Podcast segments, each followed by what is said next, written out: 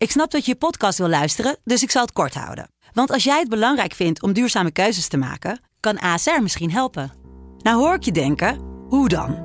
Nou, bijvoorbeeld bij het duurzaam herstellen van schade. Of de premies die we beleggen volgens ons duurzaam beleggingsbeleid. Dat bepaalt waar we wel en juist niet in investeren. Wil je meer weten over welke duurzame keuzes ASR maakt? Ga dan naar asr.nl slash duurzame keuzes. ASR doet het. Zo, dan kan je nu lekker naar je podcast luisteren.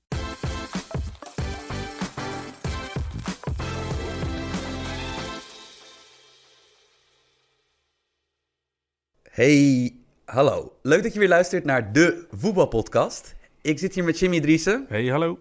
Uh, mijn naam is Sam Planting. Uh, Jimmy. Yes. Interlandweek. Ja, ja, godzijdank dat hij weer over is, denk ik wel, voor mijn gevoel. Jawel, maar ik bedoel, het, we, we, leven hier op um, de vroege maandagmiddag ondertussen. We hebben gisteren Nederland-Duitsland zitten kijken. Een mooie emotionele rollercoaster was het weer. Ja, maar ook gewoon überhaupt. Ja. Hoe je het went of keert, goede wedstrijd. Ja, want moet Nederland zich nou zorgen gaan maken of mogen we juist uh, blij naar de toekomst gaan kijken? Het tweede. Ik denk dat, ik denk, ja, ja, ja, ik denk het tweede. Maar ik vond het wel, ik vind het resultaat helemaal niet zo slecht uitkomen. Want ik vond zeg maar de stemming een beetje gevaarlijk worden. Ja, dat zei je van tevoren al een beetje op Twitter. Want iedereen had volgens mij uh, uh, Nederland al een overwinning toebedeeld. Had, ik, had jij zo het gevoel, toch? Ja, en ik vind, ook, ik vind dat een beetje vreemd. Want uh, ja, dat het even minder gaat bij het Duitse voetbal. En ook, ik heb ook het idee dat mensen heel graag na al die, al die verhalen over, over de Duitse vernieuwing en hoe, hoe Duitsland zich had heruitgevonden, wilde men, wilde ook grote groepen mensen dit zien. Van die ineenstort, zogenaamde ineenstorting van Duitsland. Ik dacht zo van, ja jongens, dit gaat om één slecht eindtoernooi en een, en een, en een matig verlopen uh, Nations League. Ja, waar ze ook gewoon bij de wereldkampioen in de pool zaten. Precies. En bij Nederland, wat ook, ook geen zwakke nee. tegenstander. Dat, Duitsland is gewoon een goede ploeg. Ja. En sterker nog, er zijn weinig landenteams die je kan verzinnen... die zeggen maar, als je kijkt naar de gehele talentenpool... Tuurlijk, Frankrijk zit daarboven qua, qua algemeen talent. Mhm. Brazilië ook wel, Spanje waarschijnlijk ook wel. Maar dit is gewoon een topland. En dit komt gewoon... Dat, Duitsland vindt wel weer een manier om, om supergoed te worden. Ja. En ik vond dat dus een beetje gevaarlijk worden dat we... Dat we dus, ja, dat, inderdaad, het gaat goed met het Nederlands elftal. Ik bedoel, daar gaan we het zo meteen uitgebreid over hebben. Van Koeman heeft het echt goed staan. Ja. Maar we moeten onszelf geen favoriete rol gaan toedichten tegen landen als Duitsland. Nee. beetje- Maar, maar in, de, in deze setting hoeft dat natuurlijk ook helemaal niet. Want eh, ja, eh, Duitsland is in principe de enige andere sterke tegenstander in je pool. Behalve Nederland zelf natuurlijk.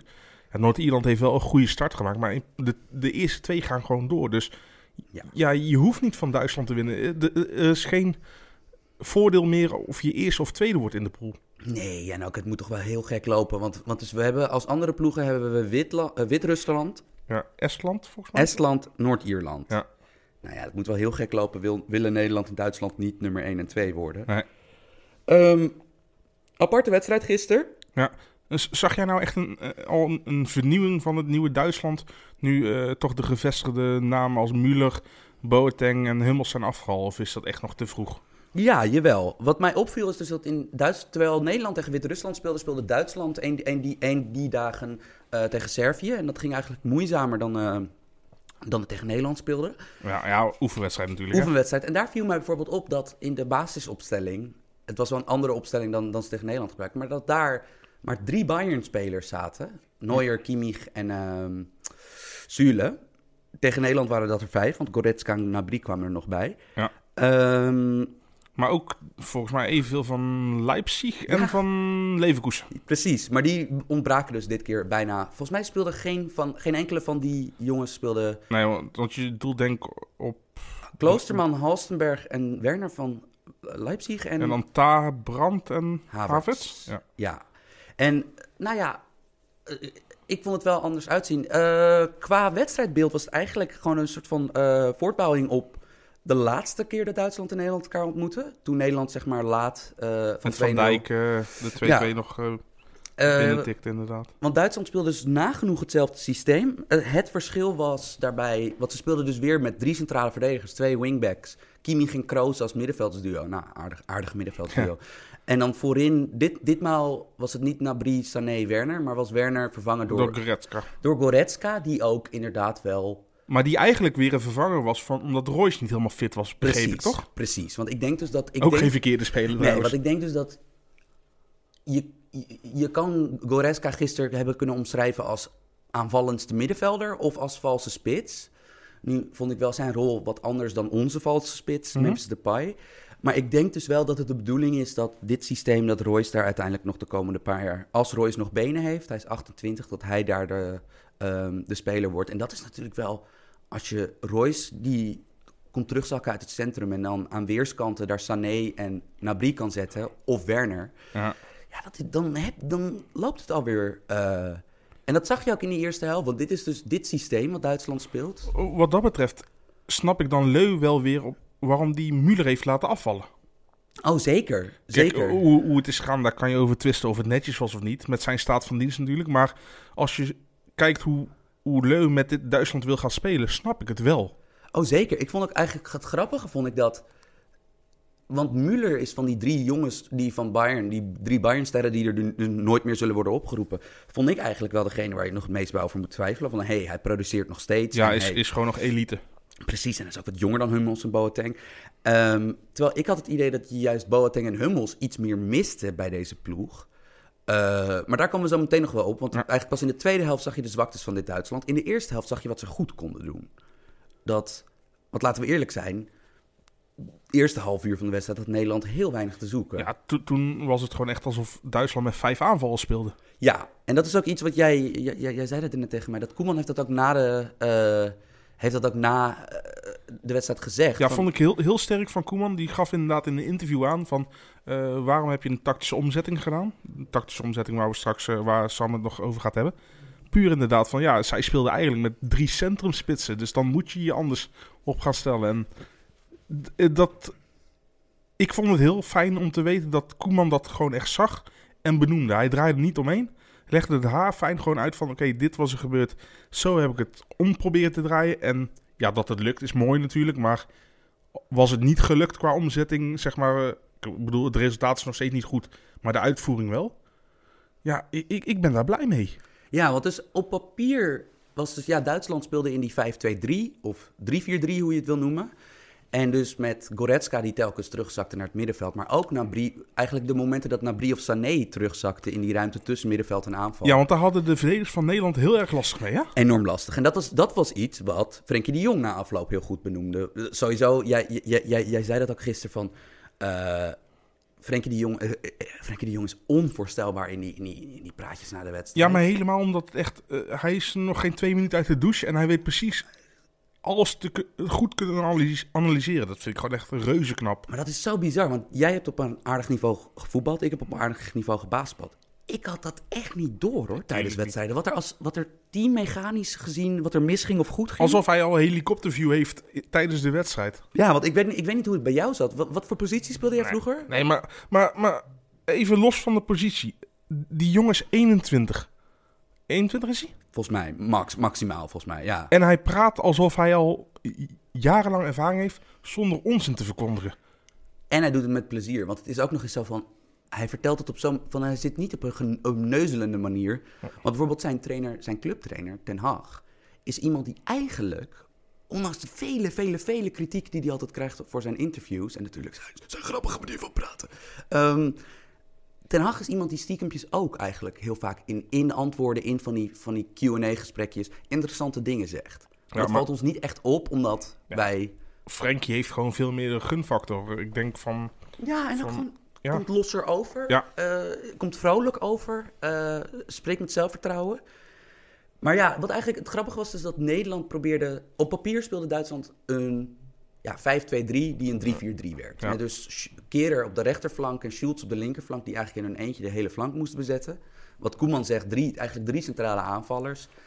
Ehm, wat dus betekent dat, ja, dat, dat, dat het veld redelijk breed wordt gehouden door Duitsland. En dat, dat eigenlijk alle mensen die je aan de bal wil hebben, dus Kimmich, Kroos, Allemaal in de as staan. allemaal in de as staan. En eh, Nederland ging eigenlijk hoe het in de tweede helft in Duitsland, hoe het eigenlijk die 2-2 forceerde, Dat was hun eerste antwoord. Want Nederland speelde in die 4-2-3-1. Nou, eigenlijk de opstelling die we van ze gewend zijn. Ja. Uh, Promes in plaats van uh, Bergwijn. En we komen later ook... Uh, kwamen, we kwamen nog redelijk snel de wedstrijd achter waarom dat zo was.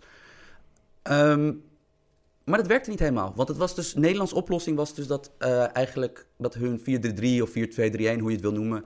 Dat dat in, bij balbezit van de Duitsers in... Ja, een soort... 5-2-3 of wat dan ook. Het, werd, het was in elk geval... Nederland probeerde elke keer met vijf verdedigers die breedte op te vangen. Mm. En het wisselde eigenlijk in, die, in dat eerste half uur af of dat Frenkie de Jong als extra centrale verdediger. Of, of een van de vleugelaanvallers terugzakte. Dus vooral Babel, dat Promes, Babel of Promes. Ja, dat Promes bijvoorbeeld als linksback uh, ging lopen. En dat Ja. werkte uh, niet. Niet. En Koemans eerste oplossing leek heel even te werken.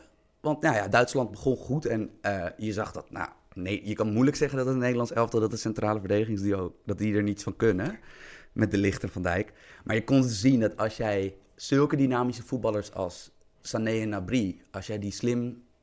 Als je die tactisch slim gebruikt, laat uitzakken, diep laat gaan, uh, van positie laat wisselen, uh, hun momenten laat kiezen, dat dat eigenlijk onmogelijk te Ja, verdedigen het, het is. probleem ging, eh, Nederland wilde zonnedekking spelen, maar liet zich vervallen als mandekking, waardoor de gaten vielen, waardoor mensen moesten uitstappen. Ja, en dat uitstappen. Het grappige was dus dat die Frenkie, Frenkie de Jong vond dus dat het uitstappen. Frenkie de Jong is natuurlijk ook zelf een geweldige voetballer. En die vond dat dat uitstappen niet agressief genoeg gebeurde. Ik denk dat dat ook misschien wel de oplossing had kunnen zijn. Wat wel heel risicovol is, maar ja, eh, ja, de kans dat je dan op een goede plek de bal verovert is natuurlijk wel weer groot. ja, maar natuurlijk Nabri en Sané die kwamen gewoon vaak aan de bal achter de verdediging. En uiteindelijk was het ook. eh, eh, ja, dat leidde ook uiteindelijk tot een paar keer tot echt gevaar. Maar het was eigenlijk de andere kant van het verhaal waar Nederland vastliep. Want Nederland kwam voetballend gezien niet door Duitslands 5-2-3 heen. Mm. Want dus die drie, die drie centrumspitsen die, stond, die hielden het midden richting het middenveld wanneer Oranje aan het opbouwen was dicht. En Nederlands antwoord erop was: Frenkie de Jong komt uitzakken. Die komt tussen de twee centrale verdedigers spelen of ernaast. En op de een of andere manier lukt het niet om de Roon, Wijnaldum, Promes of om die ergens in de as aan te spelen. Ja. En uiteindelijk, dat was ook een beetje een pijnlijk, dat was een pijnlijk balbezit voor Nederland. Van Nederland ging, kwam er echt, echt maar niet doorheen. En uiteindelijk leidde één keer van dat balverlies leidde gewoon tot een omschakeling bij Duitsland. En ja, de licht gleed uit. Ja. Denk, ik, ik, ik weet nog steeds niet of als de licht niet was uitgegleden of die goal niet was gevallen. Ja, is heel moeilijk zeggen natuurlijk. Ik bedoel, ja, het, het is niet gebeurd, dus we kunnen speculeren, maar we weten het niet. Het leidde wel tot het grappigste moment van de aanval. Ik vond, ik vond het, het uitglijden niet grappig, maar ik vond Rafael van der Vaart die in de rust zei... eh, ja, ik had toch gezegd dat het, eh, dat het veld glad was. Ja, nou, eh, kijk, we kunnen er lachen over doen, maar het is niet voor het eerst natuurlijk dat er spelers in de arena uitglijden. Ik bedoel, Casper Dolberg heeft er een abonnement op. Maar aan de andere kant, ik bedoel... Het kan ook gewoon gebeuren. Om dit over een verdediger te zeggen, wiens die zijn thuiswedstrijden in de arena speelt. Oké, ik, ik vond dat een beetje apart. Overigens trouwens, eh, in het NRC, eh, ik heb vandaag met mijn persoonlijke account, uh, Jimmy Dries, ook een tweetje ge- gewijd aan Rafael van der Vaart. Heel leuk interview in de NRC gegeven, dus ja, mocht je, mocht je daar eh, zin in hebben om te lezen, aanrader. Gevoel voor, eh, voor humor valt, Ja. eh, valt deze jongen echt niet te ontzeggen. Leuke gast, maar goed, inderdaad, voetballend analytisch vind ik hem ook niet altijd sterk. Nee, en, dan, en ik, bedoel, ik vind bij hem wel echt het geval van een, een goed paard maakt nog geen goede ruiter. Want het is vrij moeilijk om echt heel veel voetballers op te noemen die in de 21ste eeuw mooier waren om naar te kijken dan Rafael van der Vaart als hij er zin in had. Hij zou een geweldige jaren 90 verdette zijn. Heerlijk, man. Ja, man. Hij, hij was goed. En, en dat Was jij, was interview team Snijder of team van der Vaart vroeger? van de Vaart, 100%. Ja, ik ook. 100%. Terwijl natuurlijk, ja, qua, qua. Ik bedoel, Qua- de carrière van Sneijder is natuurlijk veel groter geworden van wat hij voor Nederland heeft betekend, eh, voor het clubvoetbal. Ja, Maar ik, ik vond Van der Vaart een, een technisch mooiere speler om naar te kijken. En ik vond hem. Ik, ik, ik vond hem in het veld gewoon ook leuker. Een, een leuke persoon dan Snijder. Maar goed, ja, Ja. ik bedoel, da- dat, dat is hoe die op me overkwam. Ik wil niet zeggen hoe die dat in het echt is, want ik ken ze niet. Nee, nee, nee, nou ja, ik bedoel, en Snijder heeft nu genoeg aan zijn kop als ik, eh, als ik, de, als ik de eh, mag geloven. Ja, nee, absoluut. Die laten we lekker met rust. Terug naar de wedstrijd. Eh, nou, Nederland werd dus weggespeeld in het eerste half uur. Koemans eerste aanpassing was dat de Jong eigenlijk, wanneer Duitsland de bal had, definitief als centrale verdediger ging spelen. Ja. Promes ging rechtsbuiten spelen toen. Het laatste kwartier voor rust, Babel linksbuiten. Kwamen twee grote kansen uit. Ja, al twee eh, niet benut door Babel. Allebei niet benut door Babel, allebei opgezet door de Promes. Ja. Eerste keer door geweldig terugleggen van Memphis. Die natuurlijk ook in de tweede helft weer nou, echt een show opvoerde. Ja, Memphis heeft, eh, heeft zich wel echt bewezen als een van de, van de cementstenen, ce- Ah, cementblokken man, van een Nieuwe voetballer. Nederland, toch? Ja, wat een voetballer, jongen. Ja. Echt. En Babel, grote kans, die eerste. Eh, Goede redding van Neuer, maar ha- had er ook ingekund. Die was redelijk recht op de keeper af, ja. En die tweede was, het, was een kopbal, toch? Ja, Eh, maar uiteindelijk, eh, we kregen eigenlijk al. Want ik zat dus een, een beetje. ik, ik had geen analyse-dienst, maar ik zat een beetje na te denken van, nou, wat kan Nederland doen? Want ik weet dat Koeman, daar gaan we het zo ook over hebben. Koeman is echt een moderne trainer. Van die past aan. En dit Nederlands elftal met Frenkie de Jong, met Wijnaldum, met Blind, eh, met Promes. eh, hij heeft echt aanpasbare voetballers. Van, van die slim genoeg zijn en veelzijdig genoeg zijn om verschillende systemen, verschillende strategieën of eh, tactieken eh, te spelen. En we konden al het briefje, het nieuwe, eh, deel 2 van het briefje van Lodewegens konden Ja. we zien. ja maar goed, Canadees kan je ook goed... eh Dwight Lodewegers, Canadees kan je goed tegen Duitsers gebruiken natuurlijk. Precies. En Die, die waar- hebben Nederlands wel vaker moeten redden. Uitstekende historische referentie, eh, Jimmy. Ik, ik verwacht ook geen onsje minder van je. En we konden op dat papiertje al zien dat in de tweede helft dat Nederland, ehm, ja, hoe, hoe, je mag altijd het systeem noemen wat je wil. Ze gingen in elk geval spelen met drie centrale verdedigers. Frenkie de Jong ging als zes spelen. Ja. Eh, Wijnaldum en De Roon wa- waren het centrale middenveld, maar wisselden van posities. Omdat, ja, toch mannetjesuitschakelaar De Roon te veel moeite had met Kroos. Ja. Wijnaldum kwam Kroos te spelen. Op zich ook geen schande natuurlijk. Nee, en Wijnaldum, Wijnaldum is... Wijnaldum is sneaky zo'n goede voetballer. Van, Dat is echt... Dat Ja, Wijnaldum is echt een onopvallende kracht. En ik, ik heb hem zelf wel eens verweten dat hij te weinig met de bal zelf doet. Maar Nou, dat, dat hoeft hij ook niet. Nee. En ook bijvoorbeeld nu, nu zit hij weer... Nu dit team, zeg maar... Snap je? De, de creatieve impulsen zullen toch vaak van... Op één deel van het veld van Frenkie komen. Op het andere deel van het veld van Memphis. Eh, hij zit hier weer goed. En ik bedoel... Ja, maar- Wijnaldum is zo'n intelligente voetballer. Ik heb vroeger nooit van Wijnaldum kunnen genieten. Behalve van zijn lach dan. Ik bedoel, dat is geweldig. Maar tegenwoordig, ik, ik- hij is onmisbaar voor ik vind hem Nederland een geweldenaar. Echt waar. Sowieso over zijn lach gesproken. Ik bedoel, ik, ik, ik vind Nederland wel echt... Ik bedoel, ik ben altijd best wel voor statistische dingen in het voetbal. Maar de gunfactor heeft Nederland ook alweer. Met Wijnaldum, met Dumfries, Dumfries. met, met Frenkie de Jong. Ik bedoel, Virgil van Dijk. ja, ja, nee, dat zijn gewoon wel echt... Virgil van Dijk is ook zo'n... Dat, dat- je hebt soms van die profsporters, zeker bij van die sterren. LeBron James vind ik daar altijd het voorbeeld van. Maar je hebt er, je hebt er heel veel meer. Van die zeg maar gewoon volwassen geboren lijken. Van dat, dat daar gewoon vanaf moment één gewoon een echt volgroeide man staat. Met ook volgroeide meningen en, en zelfvertrouwen. Dat, eh, Ja, dat is eigenlijk bij hem vanaf het moment dat hij bij Liverpool speelt. Is Ja. hij ineens helemaal... Ik vond het ook hilarisch dat zeg maar op internet kon je echt al zien van dat er mensen echt zeg maar van ha, we hebben eindelijk een clipje gevonden waar Virgil van Dijk een keer wordt geklopt Ja, door dat- Nabri, door een geweldige actie en goal Dat je van Nabri. ervoor moet zoeken, zegt eigenlijk al genoeg. Ja, en dat, dat ook Nabri zeg maar gewoon een enorme solo maakt en die bal van 20 meter Ja. de kruising in krult. hey, ik zit hier sowieso tegenover een van de, de grootste Gnabry-fans. Ondanks dat je zijn naam altijd verkeerd uitsprak. ja, het blijkt dus Gnab... Gn- eh, ik ga Gnabry? proberen. Gnabry? Ja, ja. Ik ben een- Gnabry. Gnabry. ik heb vroeger nog wel eens last gehad van de stotter, dus ik, eh, ik, ik ga thuis oefenen. Ik doe dat hier niet voor de microfoon. Maar goed, als, als iemand eh, team eh, Serge was, ben jij het altijd Team wel geweest. Serge, dat vind ik een goede oplossing. Eh, maar in de tweede helft, we zagen dus eigenlijk al welke oplossing er kwam. Dat dus Frenkie de Jong ging weer terug naar zes. Ja. De middenvelders wisselden van positie. En, Dan krijg je de bal in ieder geval wel op het middenveld. ja, en Dumfries en Promes moesten dus de gehele beslijk- bestrijken. Wat dus eigenlijk neerkwam op dat we letterlijk Duitslands formatie gingen Ja. spiegelen. Van de Jong kwam tegenover Goretzka te staan. Eh Wijnaldum Je, tegenover je, je overal koppeltjes voor hem inderdaad. Overal werden er koppeltjes. En ja, dan heb je gewoon eh, een beetje geluk nodig of een beetje individuele kwaliteit. En voor het verloop van de wedstrijd was het natuurlijk gunstig dat, eh, een afges- dat Memphis een afgeslagen corner echt heel goed weer die 16 inbracht. En ja, je hebt Ja. natuurlijk wel aardige koppers bij dit Nederlands elftal. Ja. Ehm, maar ja, toen, wat volgde na die 2-1? Was een half uur, misschien wel langer, eigenlijk misschien wel bijna tot die Het slotfase. was goed voetbal. Het was echt goed voetbal. Ja. En dus als we even, even uitzoomen. Koeman heeft dus... Dit was de tweede keer binnen een wedstrijd dat hij van tactiek wisselde. En geen enkele van die tactieken was een klassieke 4-3-3... eh, we gaan, eh, snap je, met ons normale positiespel en met onze, snap je, vaste driehoekjes en vaste eh, looplijntjes, zoals zeg maar bijna elke standaard eredivisie-trainer doet.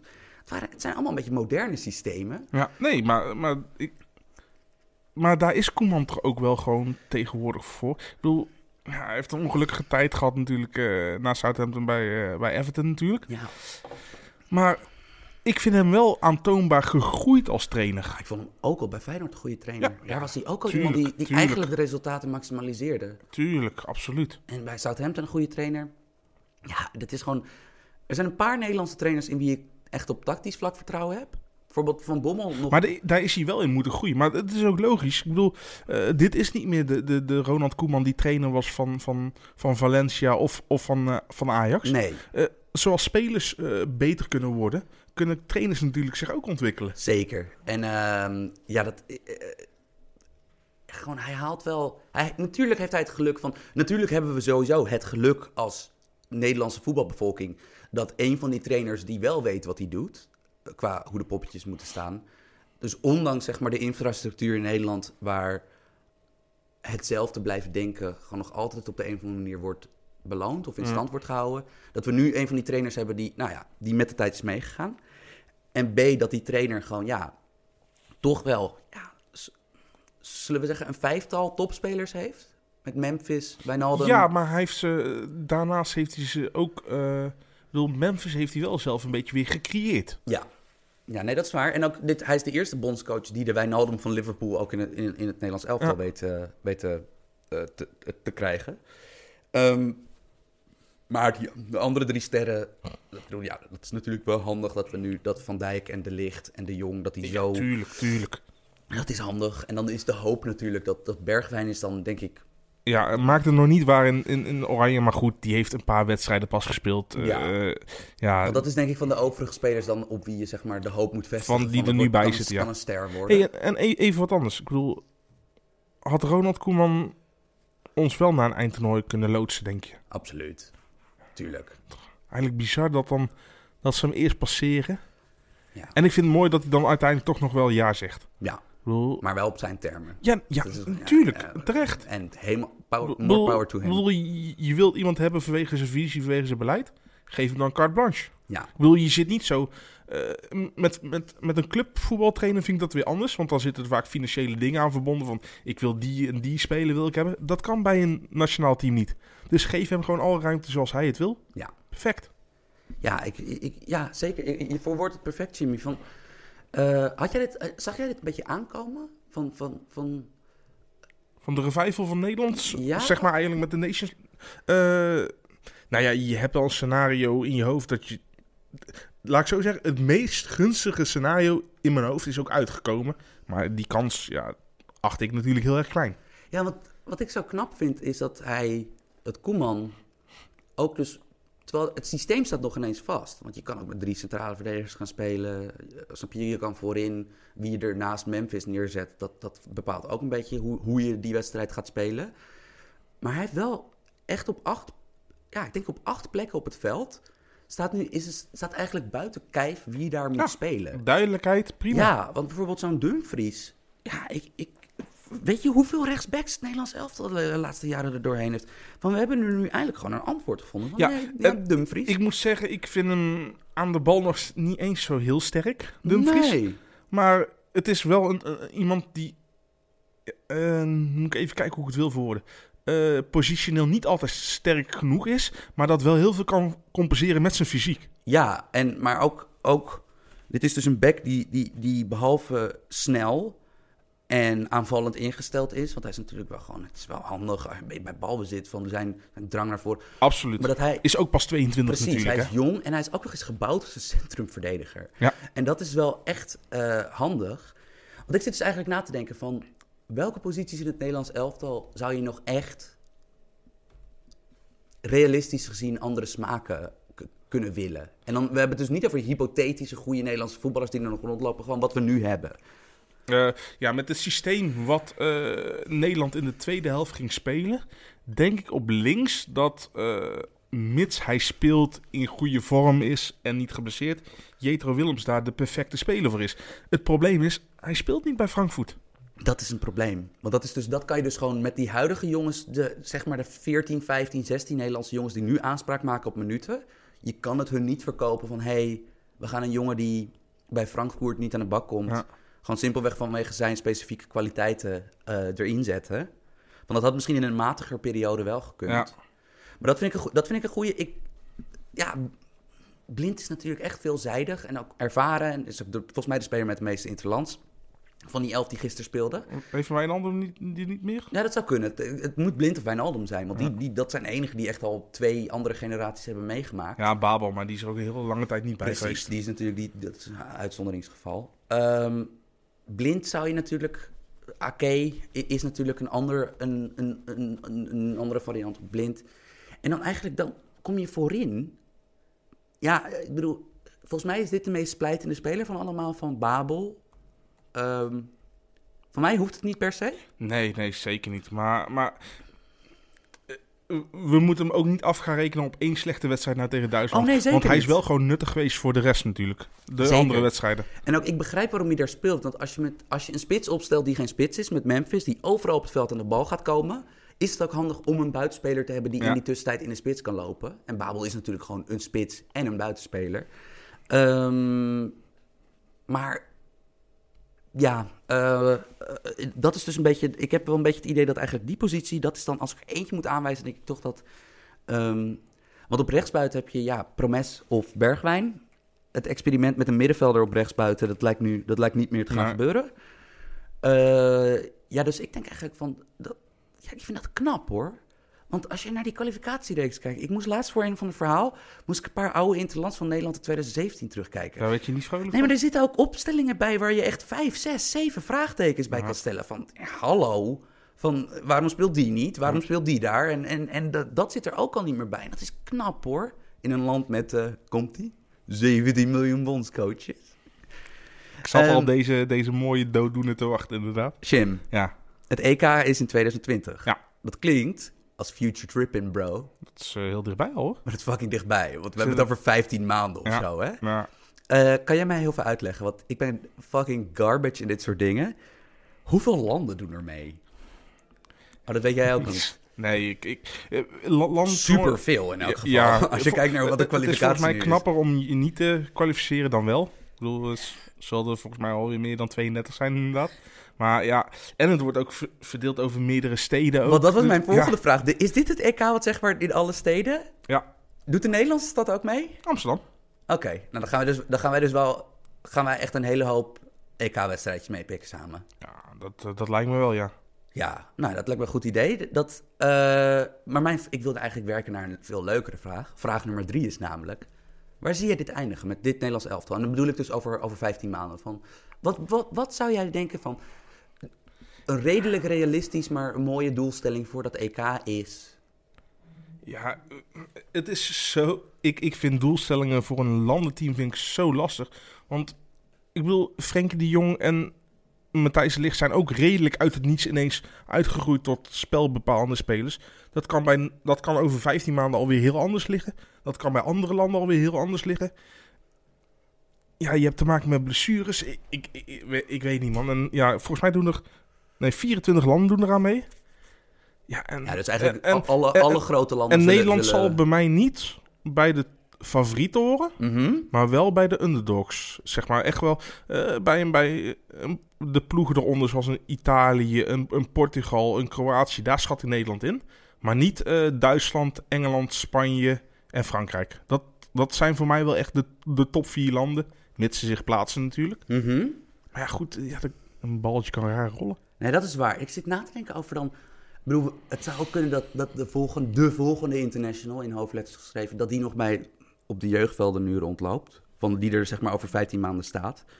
Maar als ik nu mijn geld zou moeten inzetten... zou ik spreiden op, ehm, op, op, op dat groepje jongens wat op de bank zit... eh, en wat steeds grotere rol krijgt bij PSV. Dat daar jongens tussen zitten waarvan ik denk van... Nou, dat zou wel eens kunnen. Noem eens namen zo. Ja, Iataren, Gakpo... Malen.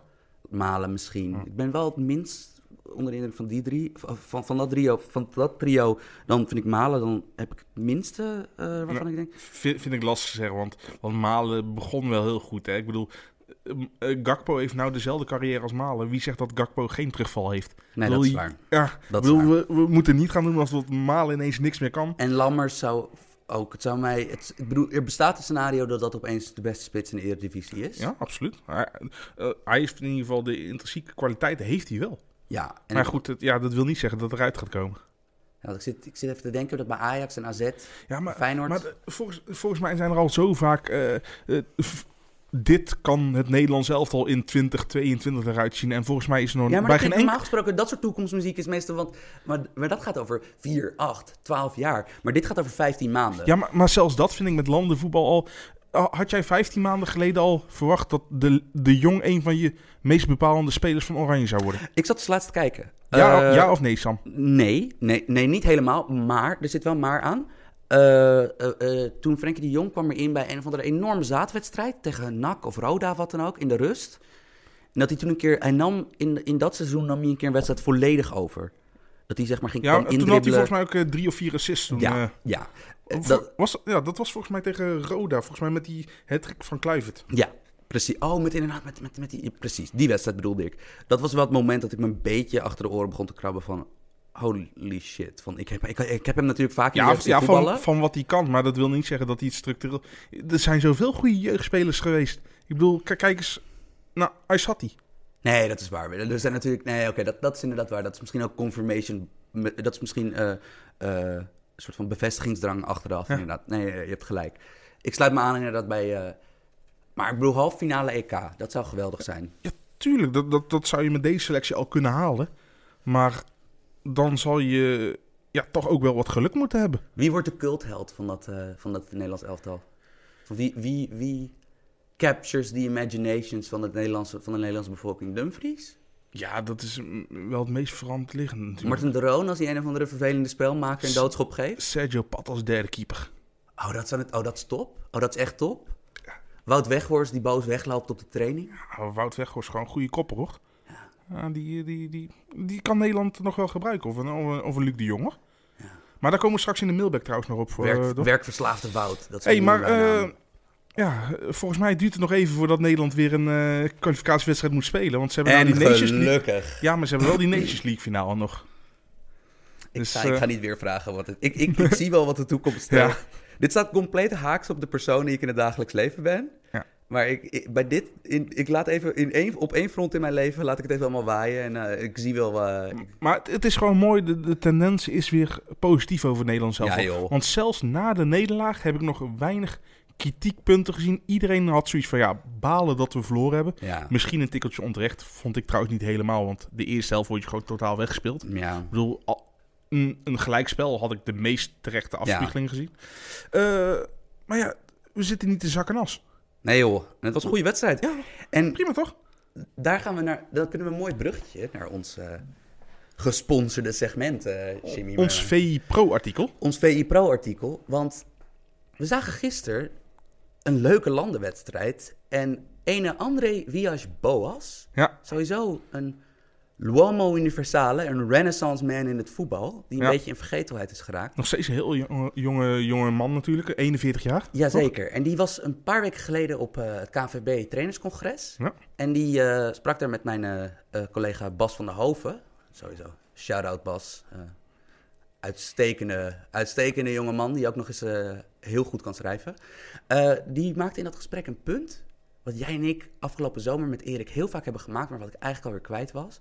Dat is dat dat WK, afgelopen zomer in Rusland, dat dat voetbaltechnisch gezien zorgwekkend was. Ja, het, is- het- het deed mij denken qua, qua amusementwaarde aan 1994. Wat voor Nederland af en toe, kijk met, met, die, met die wedstrijd tegen Ierland wel leuk was. Maar het WK 94 en helemaal het WK 90 waren gewoon helemaal niet zo leuk. Ja, en dat was gewoon, het afgelopen WK was gewoon inzakkende teams. Ja. En bijna de helft van de goals via het corners en Een standaard situatie. ja. Ik bedoel, E- Engeland, ik bedoel, prachtig team.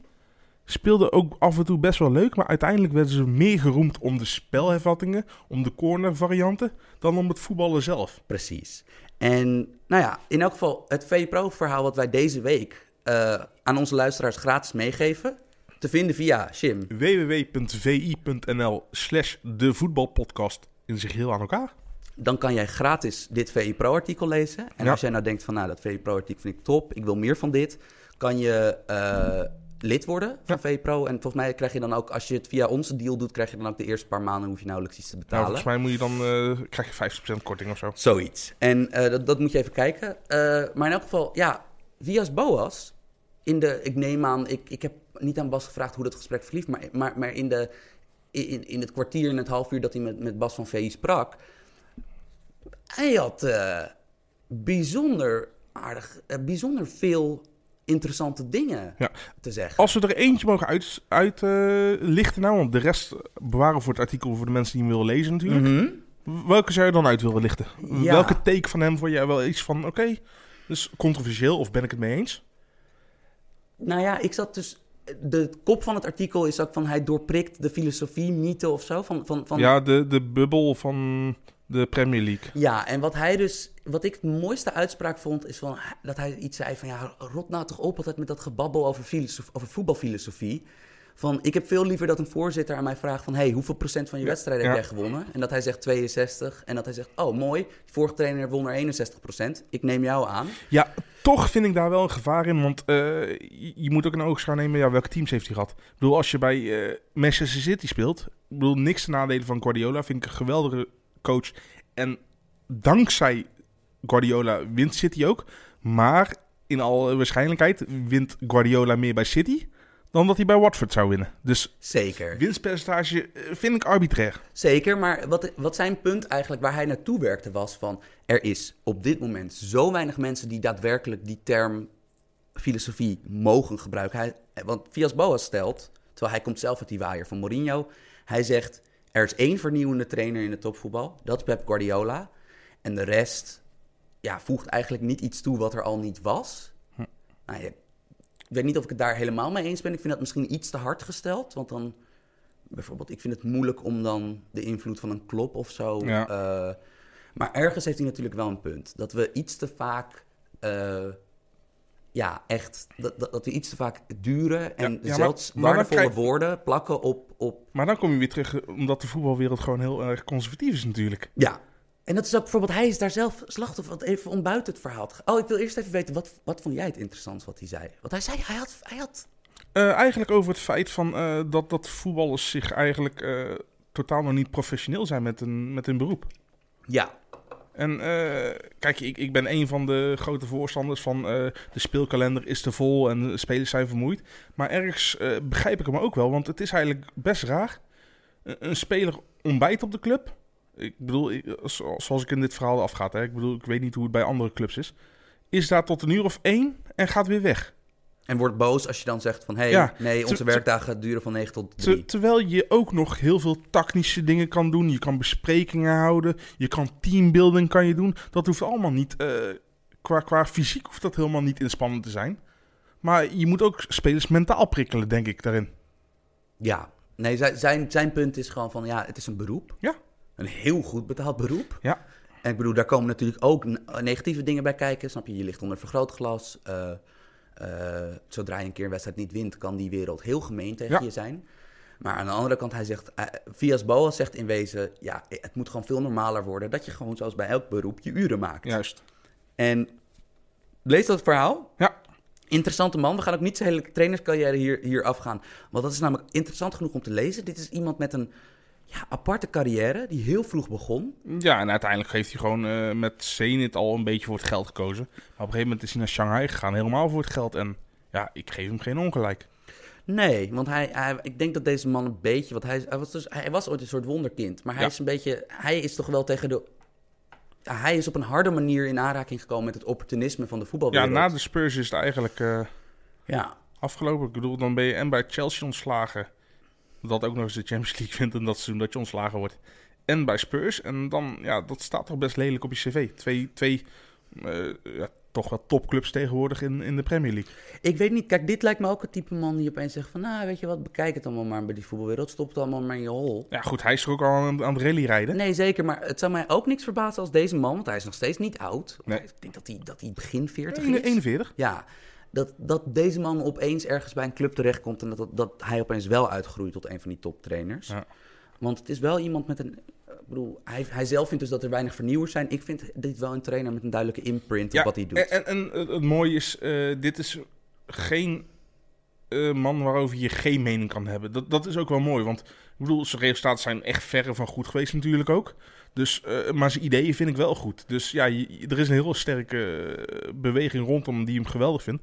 Maar een even grote beweging die hem, die hem een kwakzal vindt. En ja, dat snap ik ook wel. Zeker. En wat ik vooral wel fijn aan Vias Boas vind, wat het, wat het allemaal iets minder ingewikkeld maakt, is dat hij in tegenstelling tot zijn leermeester Mourinho gewoon, het is een aardige man. Ja. Ja. Hij blijft gewoon vriendelijk. Ja, maar ja, aan de andere kant dan kom je weer bij, bij het verhaal van wat is nou echt belangrijk voor een trainer. Ja. Ja, nee, maar toch om, om zeg maar, om zo'n man te horen praten. Ja, nee, nee, hij, hij lijkt mij een heel charmante, aimabele man. Zeker. Absoluut. Dus als je dit verhaal nou wil lezen, Ja. gratis en voor niets. Op ehm, www.vi.nl slash de voetbalpodcast. yes. Eh, ja, gaan we het over de Eredivisie nog heel even kort hebben? Voorbeschouwing Ajax PSV? Ja. Kort, vijf, vijf minuutjes Sam, niet Ja. langer. Zeg maar Jim, van, eh, Het uur van de waarheid. het uur van de waarheid. We hebben nog eh, zo'n 100 uur, iets meer, Ja. voor Ajax PSV op zondag. Sam, ik wil van jou één reden weten waarom Ajax gaat winnen.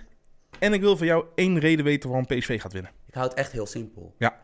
Ajax heeft gewoon de betere spelers. Oké, dat is dus waarom Ajax gaat winnen. Oké, Ja, en waarom gaat PSV winnen? omdat PSV tot nu toe in deze matchup heeft bewezen het, het betere team te zijn.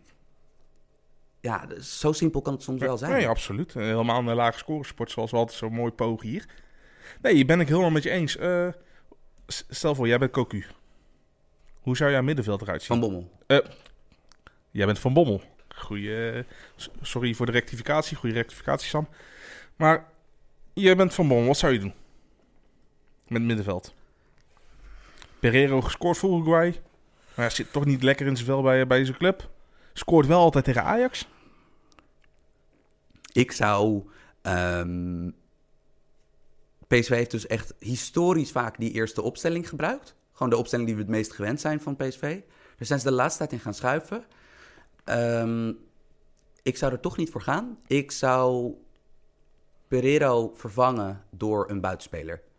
En ik zou met Bergwijn... Zou je op- Bergwijn op 10 spelen en dus Gakpo of Malen in de basis? Ja. Als ik- Ja. En waarom zou je dat doen? Omdat toch Ajax defensieve kwet- kwet- kwetsbaarheid... eh Ja, je, je, de brengt, rechts, de je, je, wilt, ja, je van- wilt toch iets meer snelheid erin brengen, ook voor die omschakelmomenten, als de restverdediging van Ajax weer is, Ja. loopt te slapen. Ja, dus ik denk gewoon dat, dat je dat, dat met snelheid Ajax. Snap je, die opbouw van achteruit bij Ajax iets voorzichtiger maken. Dat dat, dat, dat, dat het idee is. En ik zou het ook helemaal niet zo raar vinden als PSV een keer met drie controleurs aantreedt. Dus dat je dus een middenveld, Sadilek, Hendricks. Hendricks, Rosario. En dat één van die drie dan in de opbouw, wat, wat, snap je, wat, wat meer vooruit op het veld Ja, speelt. weet je wat is? PSV heeft ook gewoon echt aan een punt genoeg.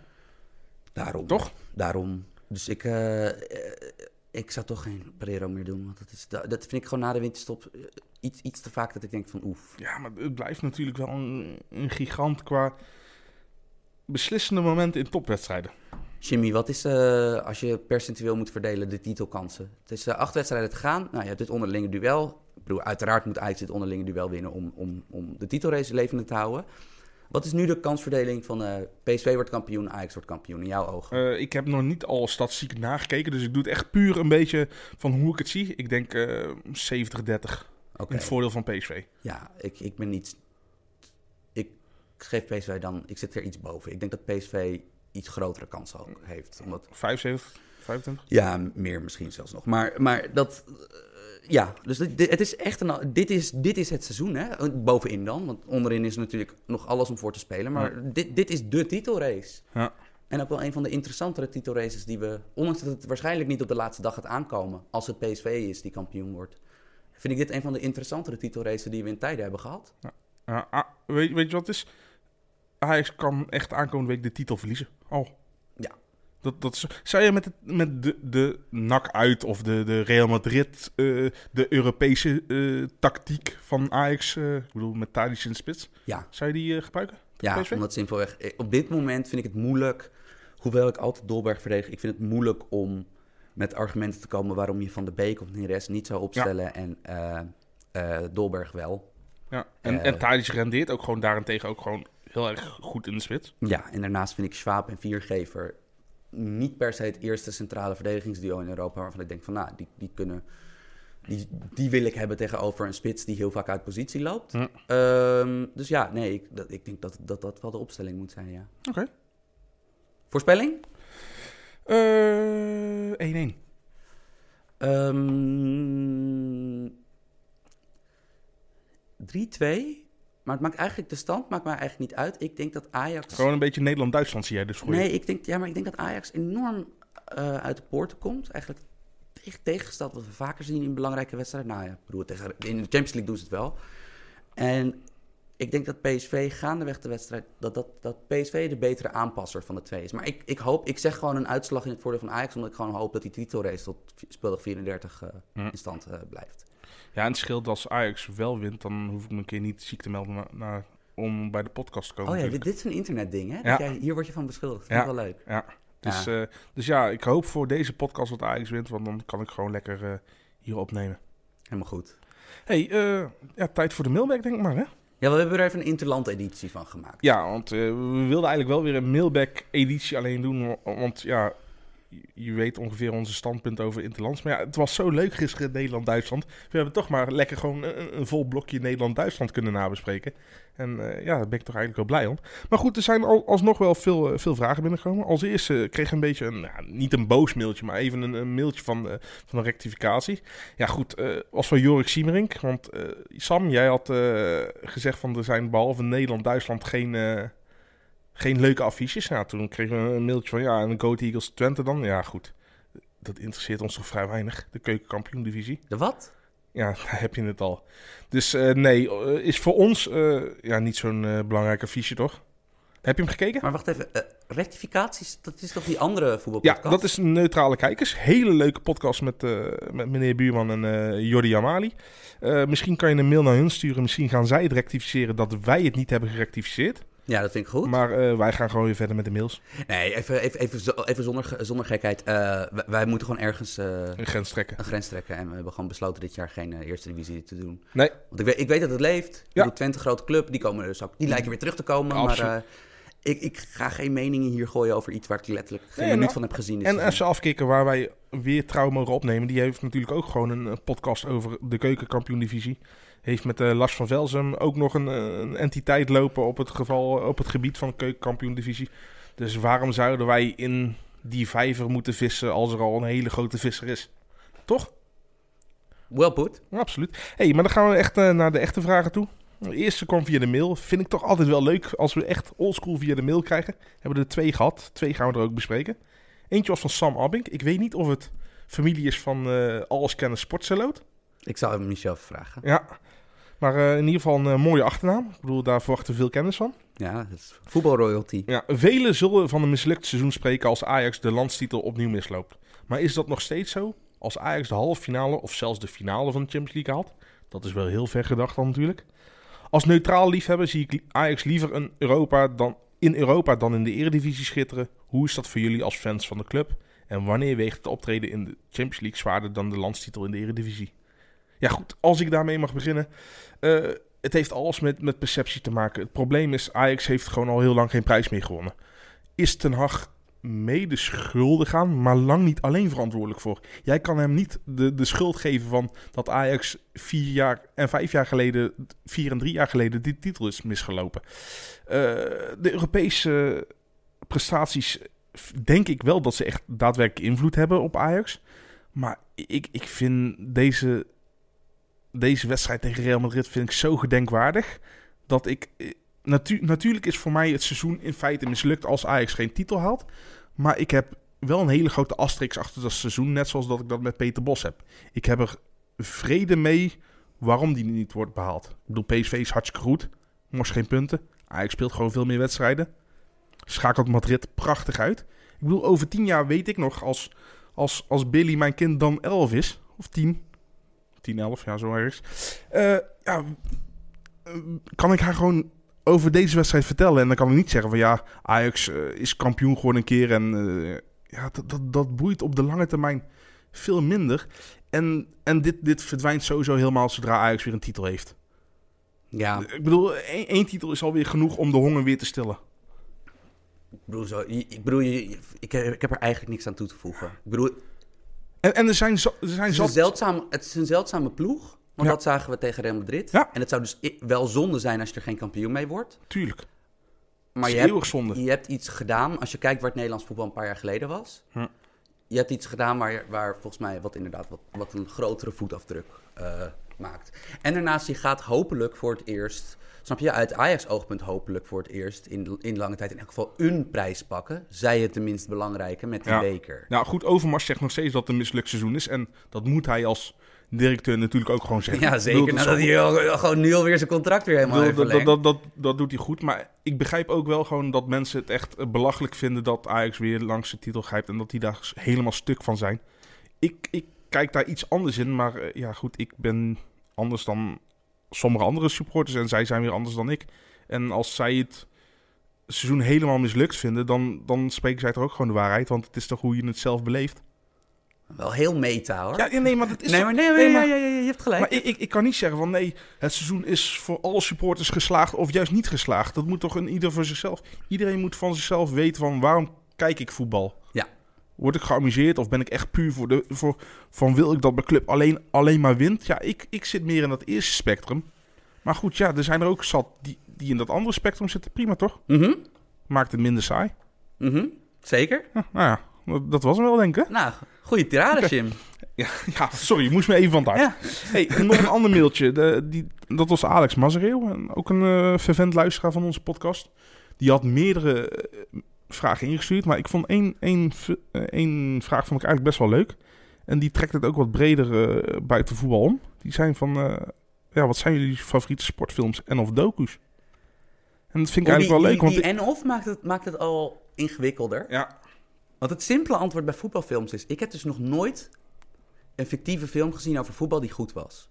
Over, de, s- over, over ons voetbal met, Ja. een, met een V. Bandit Like Beckham. Ja, ik bedoel... Nee, maar je kan ze allemaal opnoemen. Of die Goal, met Vinnie Jones. Die met Vinnie Jones. Of die ene waar, zeg maar, waar ze met Pele in gevangenis uit moeten ontsnappen. ik bedoel, het is allemaal... bedoel, De ene is nog, nog shittier Ja. dan de andere. Eh, ik zit na te denken dat... Mijn favoriete sportfilm, en het is ook een van mijn favoriete boeken aller tijden, maar mijn, mijn favoriete sportfilm is een film waar geen enkele sportscène in zit. Moneyball. Omdat het een, een heel goed geschreven film met Brad, en Brad Pitt speelt ook heel goed Billy Bean de hoofdpersoon eruit. En het Toch is vind ik hem, een- sorry dat ik je onderbreek, toch vind ik hem af en toe wel een beetje te uitgekoud. En hij wordt te veel als end of al eh, films qua statistieken, want eigenlijk gebeurt er niet zo heel veel in die film. Nee, er gebeurt niet zo erg veel in die film. Maar aan de andere kijk, en het is natuurlijk ook, ja, ik ben, ik Het, ben het in, boek was beter. Het boek was beter en ik ben natuurlijk ook de laatste persoon die hier een eerlijk oordeel over heeft. Omdat ik ben in die tak van sport gaan werken. Dus ja, dat, dat, dat, eh, ehm, ja, ik zit na te denken dat... Ja, ik vind het een te makkelijk antwoord met Moneyball. Kom op, Sam. Nee, oké. Het, het, het leukere antwoord is, voor als je enigszins van Amerikaanse sporten houdt... Friday Night Lights, er is zowel een film van, die staat op Netflix, maar je kan ook... En je mag mij niet aanwijzen als, als gerechtelijk schuldige. Je kan vast en zeker op internet ook buiten Netflix-series vinden. Ehm, Friday Night Lights eh, is ook een boekverfilming. De tv-variant daarvan eh, was echt gewoon een oprecht goede serie. Waar gaat het over? Ja, een, eh, heel simpel. Een, een, American een, een middelbare school American voetbalteam in een, Tex, in een Texaans dorpje jaren tachtig. Het is eigenlijk een soort van... Nou, het, het schetst het tijdsbeeld, het, sche- het schetst het platteland van Amerika... het schetst de, de problematiek van tieners en ouders. Eh, en het is waar ja, een paar mensen die wij nu echt als sterren zijn gaan zien... filmsterren, Taylor Kitsch en Michael B. B. Jordan... die zijn daar eigenlijk als acteurs doorgebroken. Dat is eigenlijk mijn, mijn, mijn sporttip. Oké, en, en, en qua documentaires? Ja, dat is moeilijker, omdat er zijn heel veel goede sportdocumentaires gemaakt. Ik zit even na te denken van wat is de... eh, bijvoorbeeld de laatste goede sportdocumentaire die ik heb gezien was Ballon sur Bitume op Netflix. Ja. Over Parijs straatvoetbal. Ehm, Komen grote, grote mensen aan het woord. Zeker. Riyad Mahrez, eh Benatia volgens mij nog. eh, ja. Zeker, en ook veel rappers. Dat Ja. soort ja, het is, het is echt cool. Het gaat, coole- gaat echt over die straatcultuur in, in, in Frankrijk, toch? Ja, en ook het, het, het laat het ook in zijn waarde. Van het, is, het vertelt ook een redelijk realistisch verhaal. Ja. Ehm, ik zit na te denken, de, de laatste... eh, ja, ja, nee. En dan eh, bijvoorbeeld bij andere sporten vind ik dat je... E ESPN 30 for 30 is Ja, een, is een docu-reeks. En daar zou je dan even op Wikipedia moeten kijken welk onderwerp jou aanspreekt. Want daar zitten echt goede Er documentaires zitten ook voetbaldocumentaires, bijvoorbeeld eh, de, de Two Esco- Escobars. Ja, zeker. Over, eh, over eh, de drugshandelaar Escobar en de, de helaas veel te vroeg overleden voetballer Escobar. Die na het WK 94 eh, ja, we, ja, gewoon echt crimineel werd afgerekend. Die werd eh, door zijn hoofd geschoten. Ja. Eh, dus dat is voetbal. Maar het is meer eigenlijk inderdaad op, op wat andere sporten gespitst. Maar ik vind dat een hele goede aanrader inderdaad. Ja. 30 voor 30. Er zit er trouwens één specifieke bij die echt uiteindelijk een soort van nou, helderziend bleek te zijn.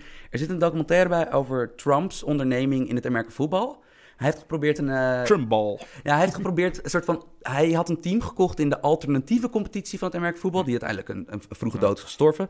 En daarin. Je krijgt een heel goed inblijk, eh, inkijkje in de, in, de, in, de, in, de, in de zakenman tussen de grootst mogelijke aanhalingstekens eh, die Trump is. Ja. Eh, Jim, ik ben heel benieuwd naar jij. Want jij, jij bent, Hebben we er nog tijd voor naar jouw... eh, Ja, sorry, sorry. Nee, maar maakt niet uit. Ik, ik Ik, ik, ik ken je niet anders. Eh, ja, mijn favoriete sportsfilms. Ik, ik ben een beetje toch wel... eh, qua, qua films ben ik een beetje wel altijd van eh, de waar gebeurde verhaal, maar wel de feel-good movies. En dan heb ik twee, twee films. Ja, ik ben daar echt sukker voor. Ik wil eh, Remember the Titans. Oh, shit. Dat gaat echt over, dat, over het, een beetje het rassengedeelte. Er gaan twee scholen komen samen. Een, een zwarte school en een witte school. En eh, ja, goed. eh, Het is een Amerika voetbalfilm. ja, een merk voetbalfilm. Met eh, Denzel in de ja, hoofdrol. als, als hoofdcoach inderdaad. En eh, ja, die, die moeten, ondanks alle verschillende afkomsten, moeten ze één team smeden, zijn de underdog. Ja, en goed, iedereen weet natuurlijk wel hoe die gaat aflopen. Mijn tweede film is, is ook een, eh, ook een American voetbalfilm. En ja, die, die vond ik ook, eh, ondanks dat het echt een grote Hollywood-productie was, vond ik hem ook gewoon ijsterk ge, ge- gecast en, eh, en hoe, hoe de rollen werden neergezet. The Blind Side. Oh ja, Ja. ja, ja. Dat gaat over, over ook een moeilijke jongen die in huis wordt genomen door, een- door, een, door een vrouw. Die, die hem eigenlijk gewoon als eigen zoon opvoedt.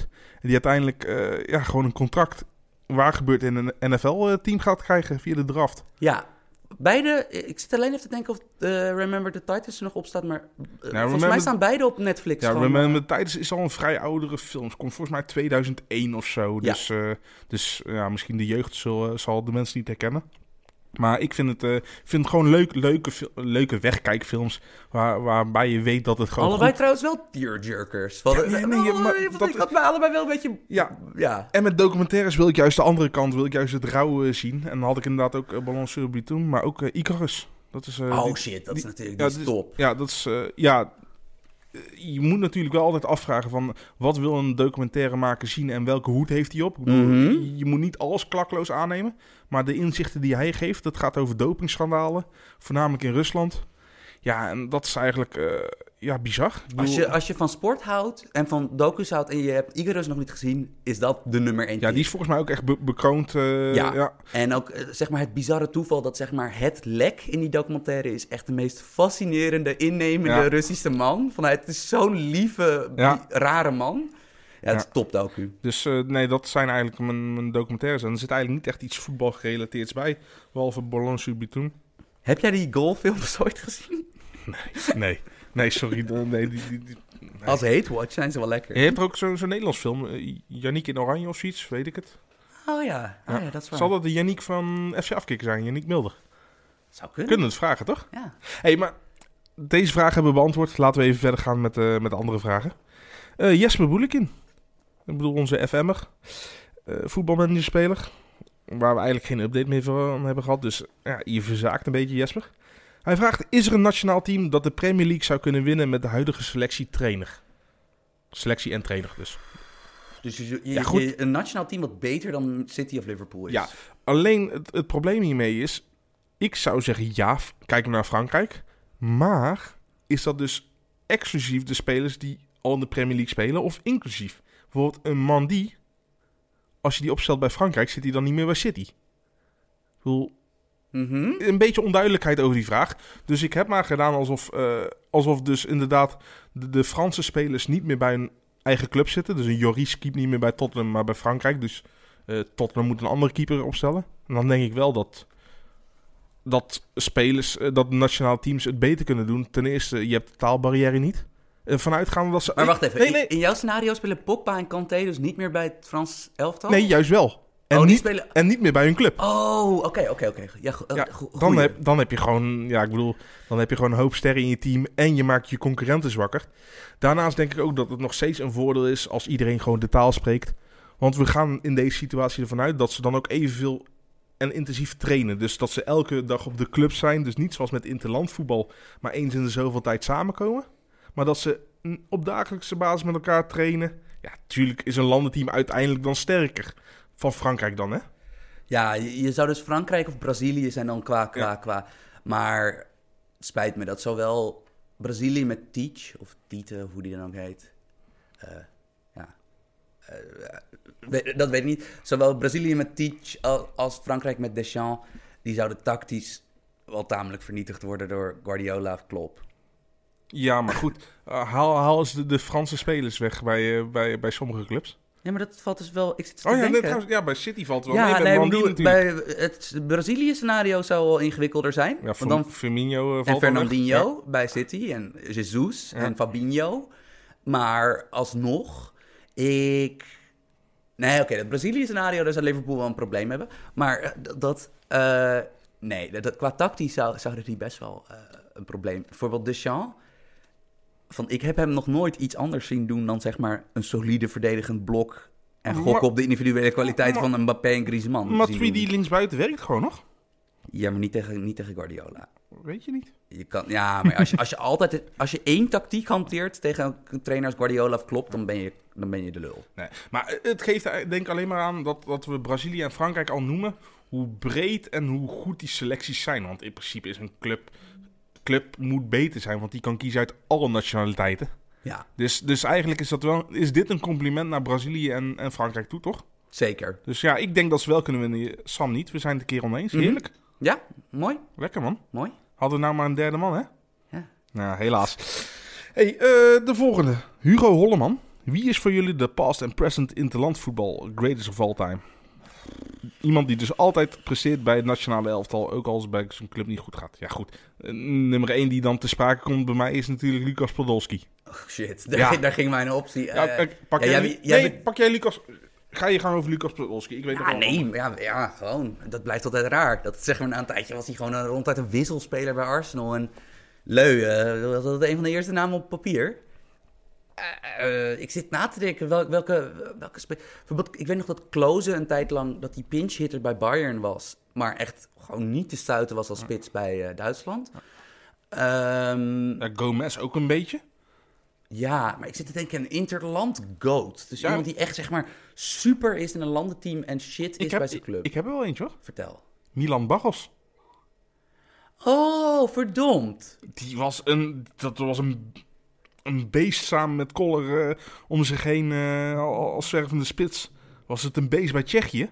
Maar ja, bij Liverpool was het slecht. Daarna is hij naar Aston Villa gegaan. Was het helemaal niks. Daarna is hij volgens mij nog Galatasaray gegaan. Ja, heeft hij wel goede statistieken gehad. Maar goed, ja, dat gebeurt wel vaker bij, bij spitsen van Galatasaray. Maar daarna, eh, ja, ik had wel het gevoel dat toen, toen Barros doorbrak en naar Liverpool ging, van dit is de next superstar. Nou, dat bleek voor Tsjechië wel, maar voor zijn clubs totaal niet. Ja. Nee, dat, oh, dat is echt een goeie man. Ja. Ja, ik zit na te denken, het, het valt een beetje... Je hebt, je bijvoorbeeld Paulinho is natuurlijk al heel Ja. belangrijk bij Brazilië. Maar je hebt niet meer echt zo van, echt van die... door het internet en door de... Renato in- Augusto zou je ook nog kunnen noemen. Renato Augusto. Maar je hebt natuurlijk door de internationalisering van het voetbal... en doordat we via het internet ook gewoon ja, spelers uit het buitenland echt goed kennen... Ja. is dat wel iets minder geworden. Maar ja, inderdaad, dat, ik, zat, ik zit altijd te denken dat bij keepers heb je wel. Dat er gewoon bij een landenteam dat een keeper zeg maar onomstreden is... terwijl die zeg maar bij een club echt gewoon... Je denkt van, wat voor pipo is dit? Neuer? Nee, nee, deze is te makkelijk, deze is te makkelijk. Neuer nog steeds goede keeper, maar niet meer zo goed. Ja, ik zit na te denken. Wat is de Nederlandse speler die wij uit binnen schiet van die beter in het nationaal elftal was dan mijn club? Zijn die er überhaupt? Vind ik lastig, man. Nou, je hebt een heel, je hebt een heel space. Je hebt concrete Ron, Ron Beton, Ron Vlaar, op dat eh, WK. Ja, Ja, ja, maar dat is echt heel kort natuurlijk. maar dat was wel, hij werd opeens een maand lang, was hij Ja. zeg maar Chiellini on steroids. Ja, dat was niet normaal, hè? Ja, dus ik denk dat dat wel, eh, ik- ja, nee, en voor de rest, ja, nee, dat was het. Goeie vraag. Ja, en ja, voor Nederlands antwoord moet ik je ook schuldig...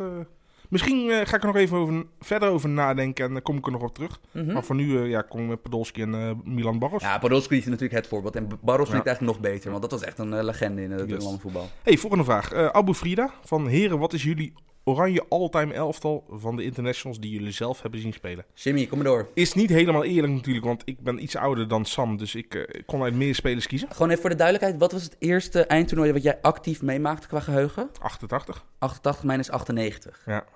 Dus eh, kom maar door. Ja, jij hebt dan, jij hebt dan wel veel sexier pool om uit te vissen dan ik. Nou ja, goed, maar mijn meeste spelers komen wel uit de periode van 98, toch? Oké, doelman. We, gaan- we gaan even gewoon per positie gaan we... Ja. eh, doelman. Van de Sar. Die hameren we af. Ja. Helemaal goed.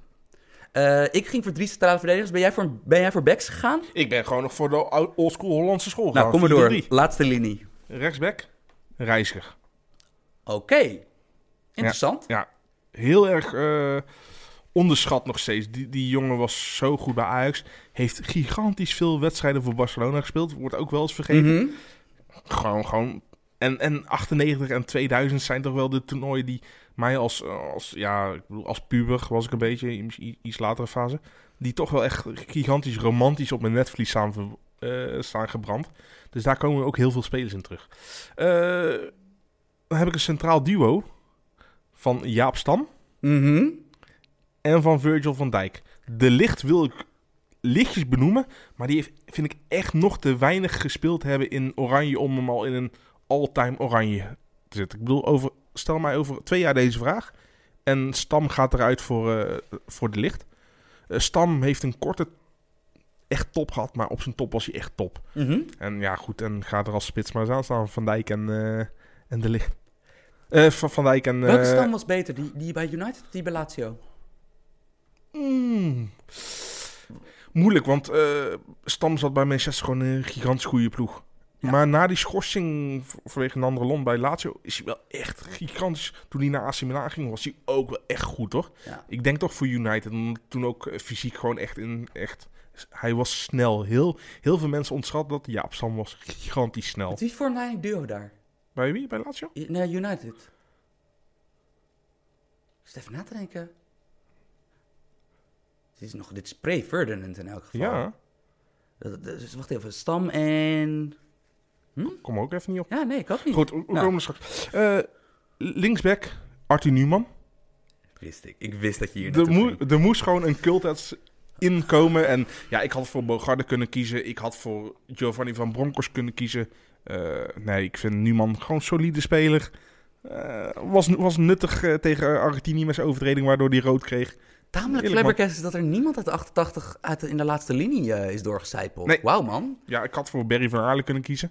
Maar, maar het komt ook meer omdat, kijk, 88 heb ik echt als klein kind meegemaakt. Toen wist ik nog niks over voetbal. Maar jij bent wel naar die huldiging geweest, hè? Ja, we zijn. eh, de, de, de, de tourbus kwam langs, waarbij een viaduct, viaduct waar we op stonden, inderdaad.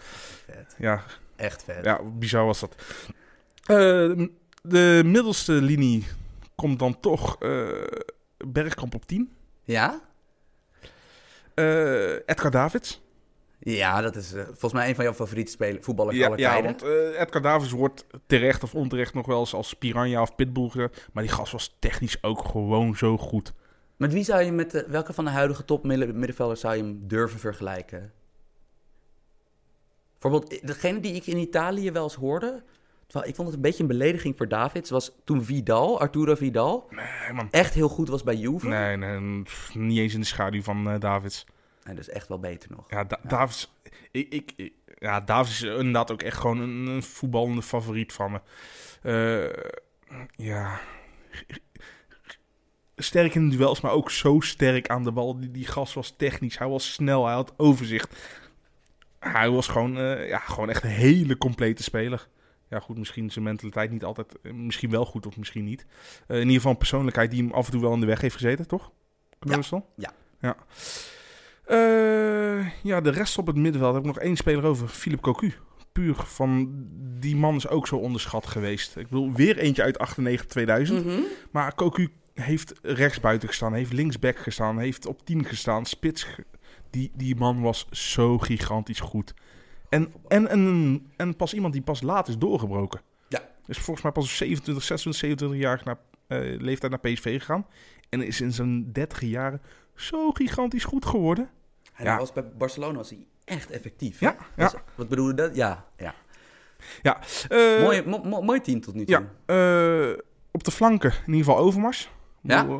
Kan rechts, kan links spelen. Een van de eerste spelers die echt gigantisch tweebenig was. Mhm. Geweldig. Eh, Spits van Basten.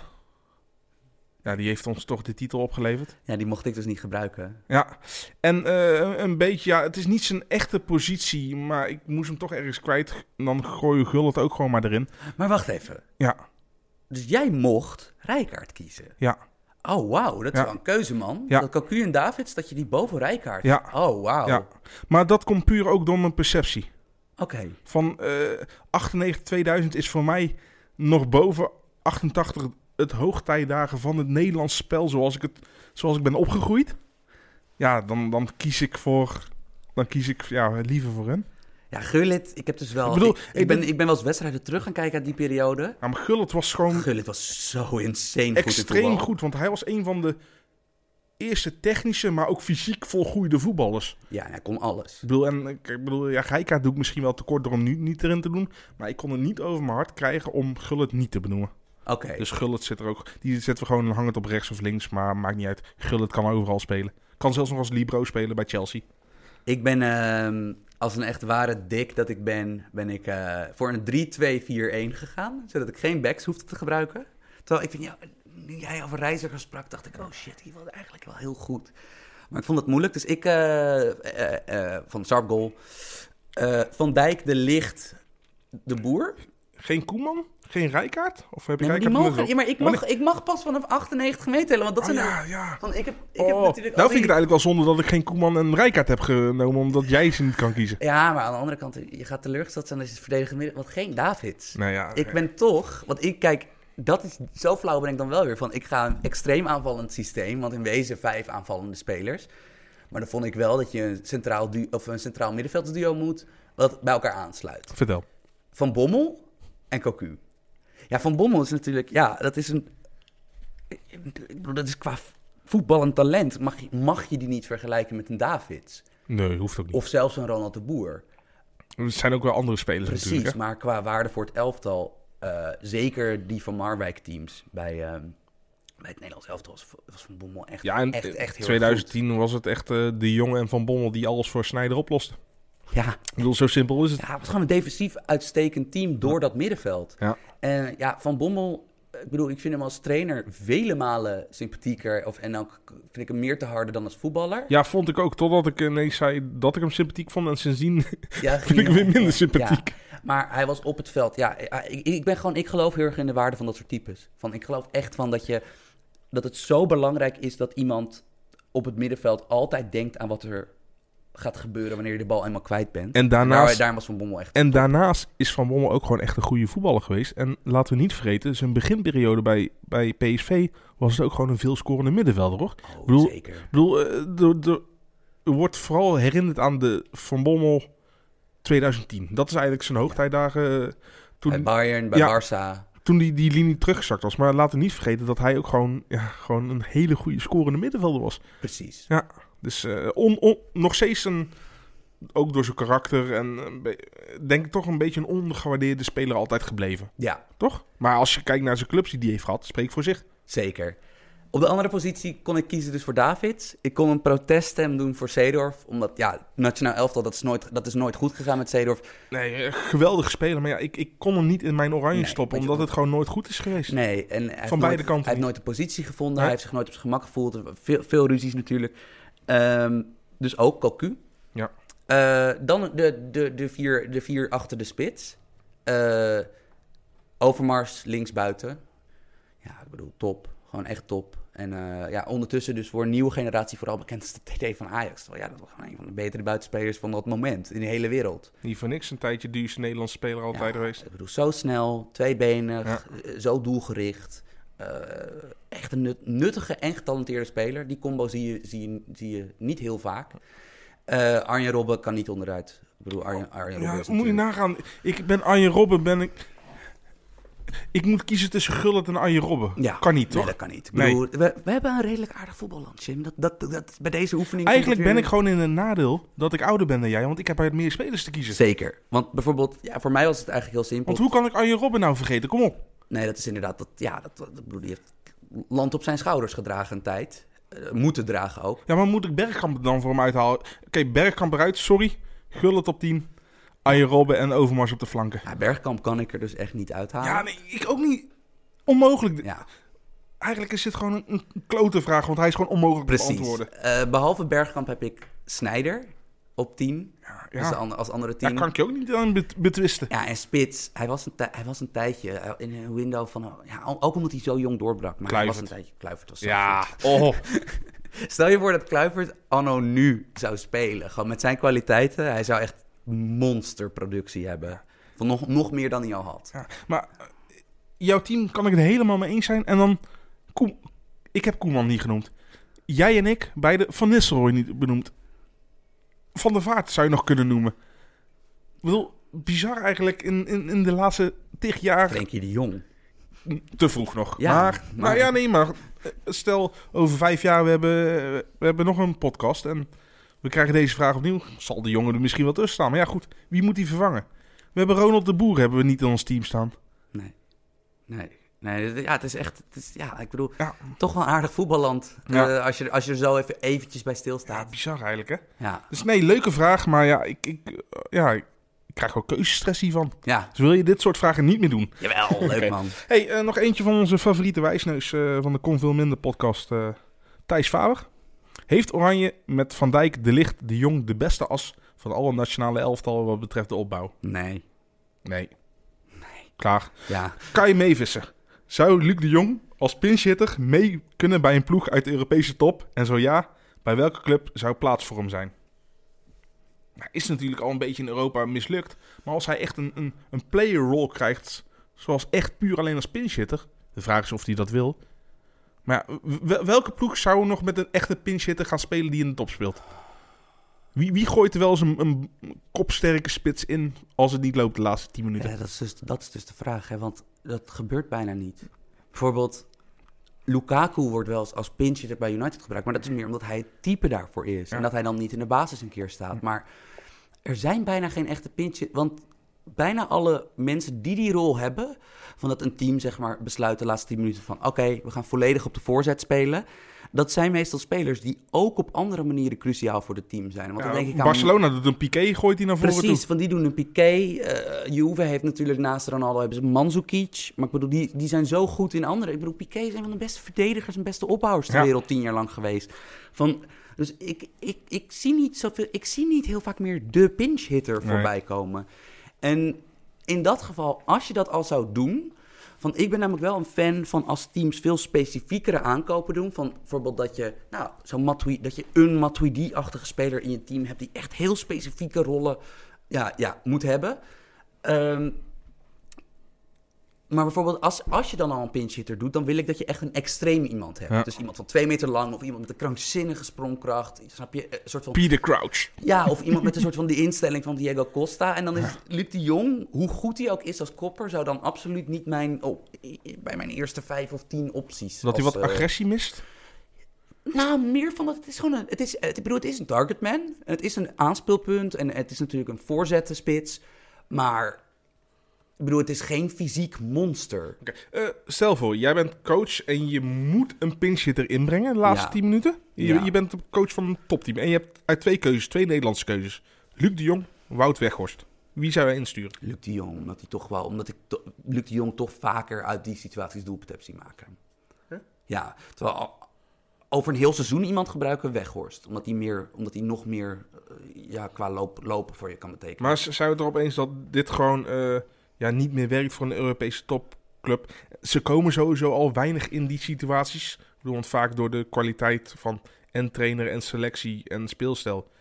Ja, hebben ze vaak al de overhand in, in de wedstrijd. Ja, en kijk maar naar de clubs die het nog proberen. Jorente bij eh Tot, bij Spurs. Ja. Giroud bij Chelsea Ja. en vroeger Arsenal.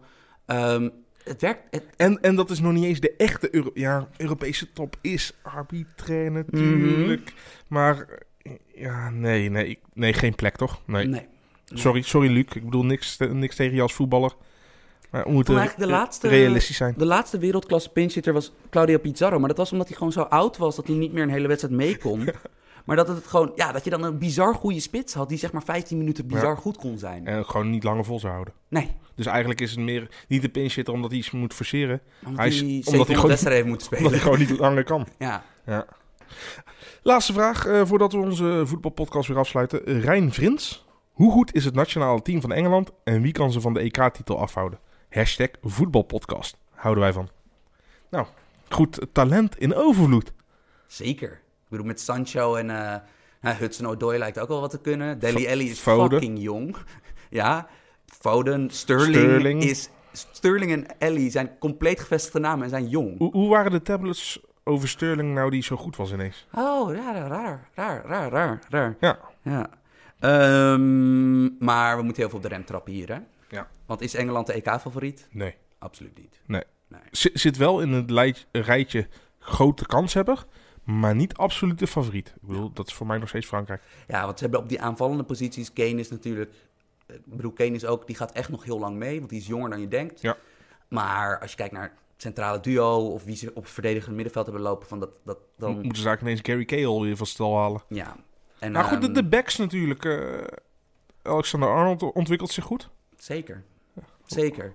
Nee, ik bedoel... Ja, nee, nee. Want Bissaka zou nog kunnen natuurlijk. zou kunnen. Pickford, met Pickford heb je een uitstekende. Ik bedoel, nee, eh, eh, ik bedoel, het Engels voetbal en ook wat het plan daarachter, dat gaat helemaal goed. En met Sancho heb je zo meteen.